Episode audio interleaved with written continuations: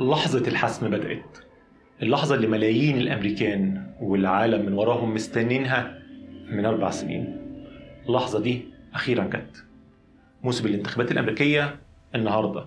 مش بس بيشمل التصويت على انتخاب رئيس الولايات المتحدة الأمريكية بل وعلى أعضاء مجلس النواب والشيوخ الأمريكي. لحظة فارقة في تاريخ الولايات المتحدة الأمريكية وأيا كانت النتيجة هيحصل تغيير ضخم. على الولايات المتحدة الأمريكية كلها. تأثيره هيفضل مع أمريكا والعالم لسنين ويمكن لعقود كمان. شفتوا اللي دونالد ترامب عمله في الأربع سنين اللي فاتت دي؟ سواء في أمريكا أو منطقتنا العربية أو بقية العالم. لو ترامب والجمهوريين فازوا في الانتخابات النهاردة السكة دي هتكون مفتوحة قدام ترامب وأنصاره سواء داخل أمريكا أو حوالين العالم. والمرة دي التغييرات هتكون جذرية أكتر بكتير من قبل كده. والتشريعات في المجالس النيابية هتكون راديكالية وهتغير شكل أمريكا. وعبر العالم تحالفات الولايات المتحدة خصوصا مع أوروبا ممكن تاخد طريق اللا لكن لو جو بايدن هو اللي فاز والديمقراطيين هم اللي سيطروا على مجلس النواب ومجلس الشيوخ هيبقى في كلام تاني خالص. لا ما تفتكروش إن الدنيا هترجع peace ولطيفة وحاجة كده زي أيام أوباما؟ خالص. الديمقراطيين لو ركبوا المنصب الرئاسي والمجالس التشريعية هيبقوا عاد لينتقم.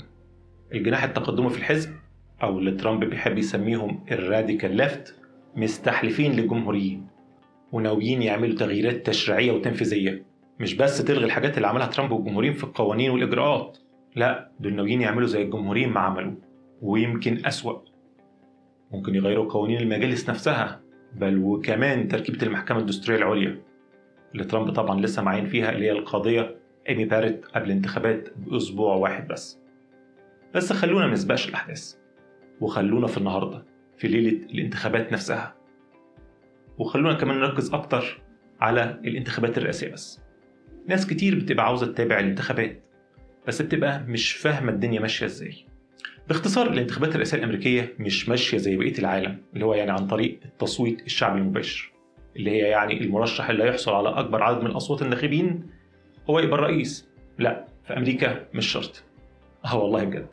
ما هيلاري كلينتون في 2016 خدت أصوات أكتر من ترامب بحوالي 3 مليون صوت. ومع كده ترامب هو اللي بقى الرئيس. أمال الدنيا بتمشي إزاي في الانتخابات الرئاسية في الولايات المتحدة الأمريكية؟ الأمور بتتم عن طريق المجمع الانتخابي. وده فكرته باختصار إن كل ولاية في أمريكا ليها تقل انتخابي وبناء عليه ليها عدد معين من النقط. والتقل الانتخابي ده بيعتمد على عدد سكان الولاية. يعني مثلا أكبر ولاية اللي هي كاليفورنيا ليها أكبر عدد من النقط اللي هو 55 نقطة. وولاية تانية كبيرة بس أصغر منها زي فلوريدا ليها 29 نقطة. المهم كل الأصوات دي بتتجمع على بعض ومجموعهم بيبقى 538 صوت. والمرشح اللي بيحصل على 270 صوت هو اللي بيبقى الرئيس. طب ما هي سهلة أهي. لا مش سهلة. والموضوع ليه علاقة بتفصيلة سخيفة ومخيفة شويتين. اللي بيحصل على الأغلبية في ولاية معينة بياخد الأصوات كلها. نعم آه هي كده. نظامهم كده. يعني لو ترامب حصل على 49% من ولاية كاليفورنيا مثلا وجو بايدن حصل على 48.5% ترامب ياخد ال 55 صوت كلهم وطبعا هكذا في بقية الولايات. طب ده على أرض الواقع يفرق؟ آه يفرق كتير خصوصا في الولايات اللي بيطلق عليها اسم ال swing states يعني إيه ال swing states؟ الولايات في أمريكا بحكم تركيبتها العرقية والحضارية اللي هو ريف ومدن والجغرافية كمان بتتقسم لثلاث مناطق. ولايات دايما تاريخيا بتصوت للديمقراطيين ولايات دايما تاريخيا بتصوت للجمهوريين. وولايات بتتأرجح ساعات يصوتوا لدول وساعات يصوتوا لدول وهم دول ال swing states الولايات المتأرجحة.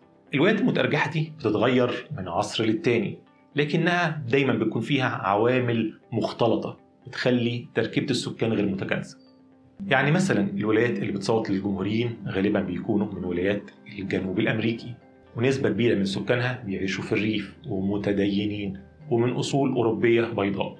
والعكس بالنسبة للولايات اللي بتصوت للديمقراطيين. أما بقى الولايات المتأرجحة فبيكون فيها خليط من التركيبات دي كلها وعشان كده المنافسة فيها بتكون غير محسومة غير بعد الانتخابات ذات نفسها. وبما إن التركيبات السكانية دي بتتغير عبر السنين برضو الولايات المتأرجحة بتتغير عبر الوقت يعني من زمن لزمن.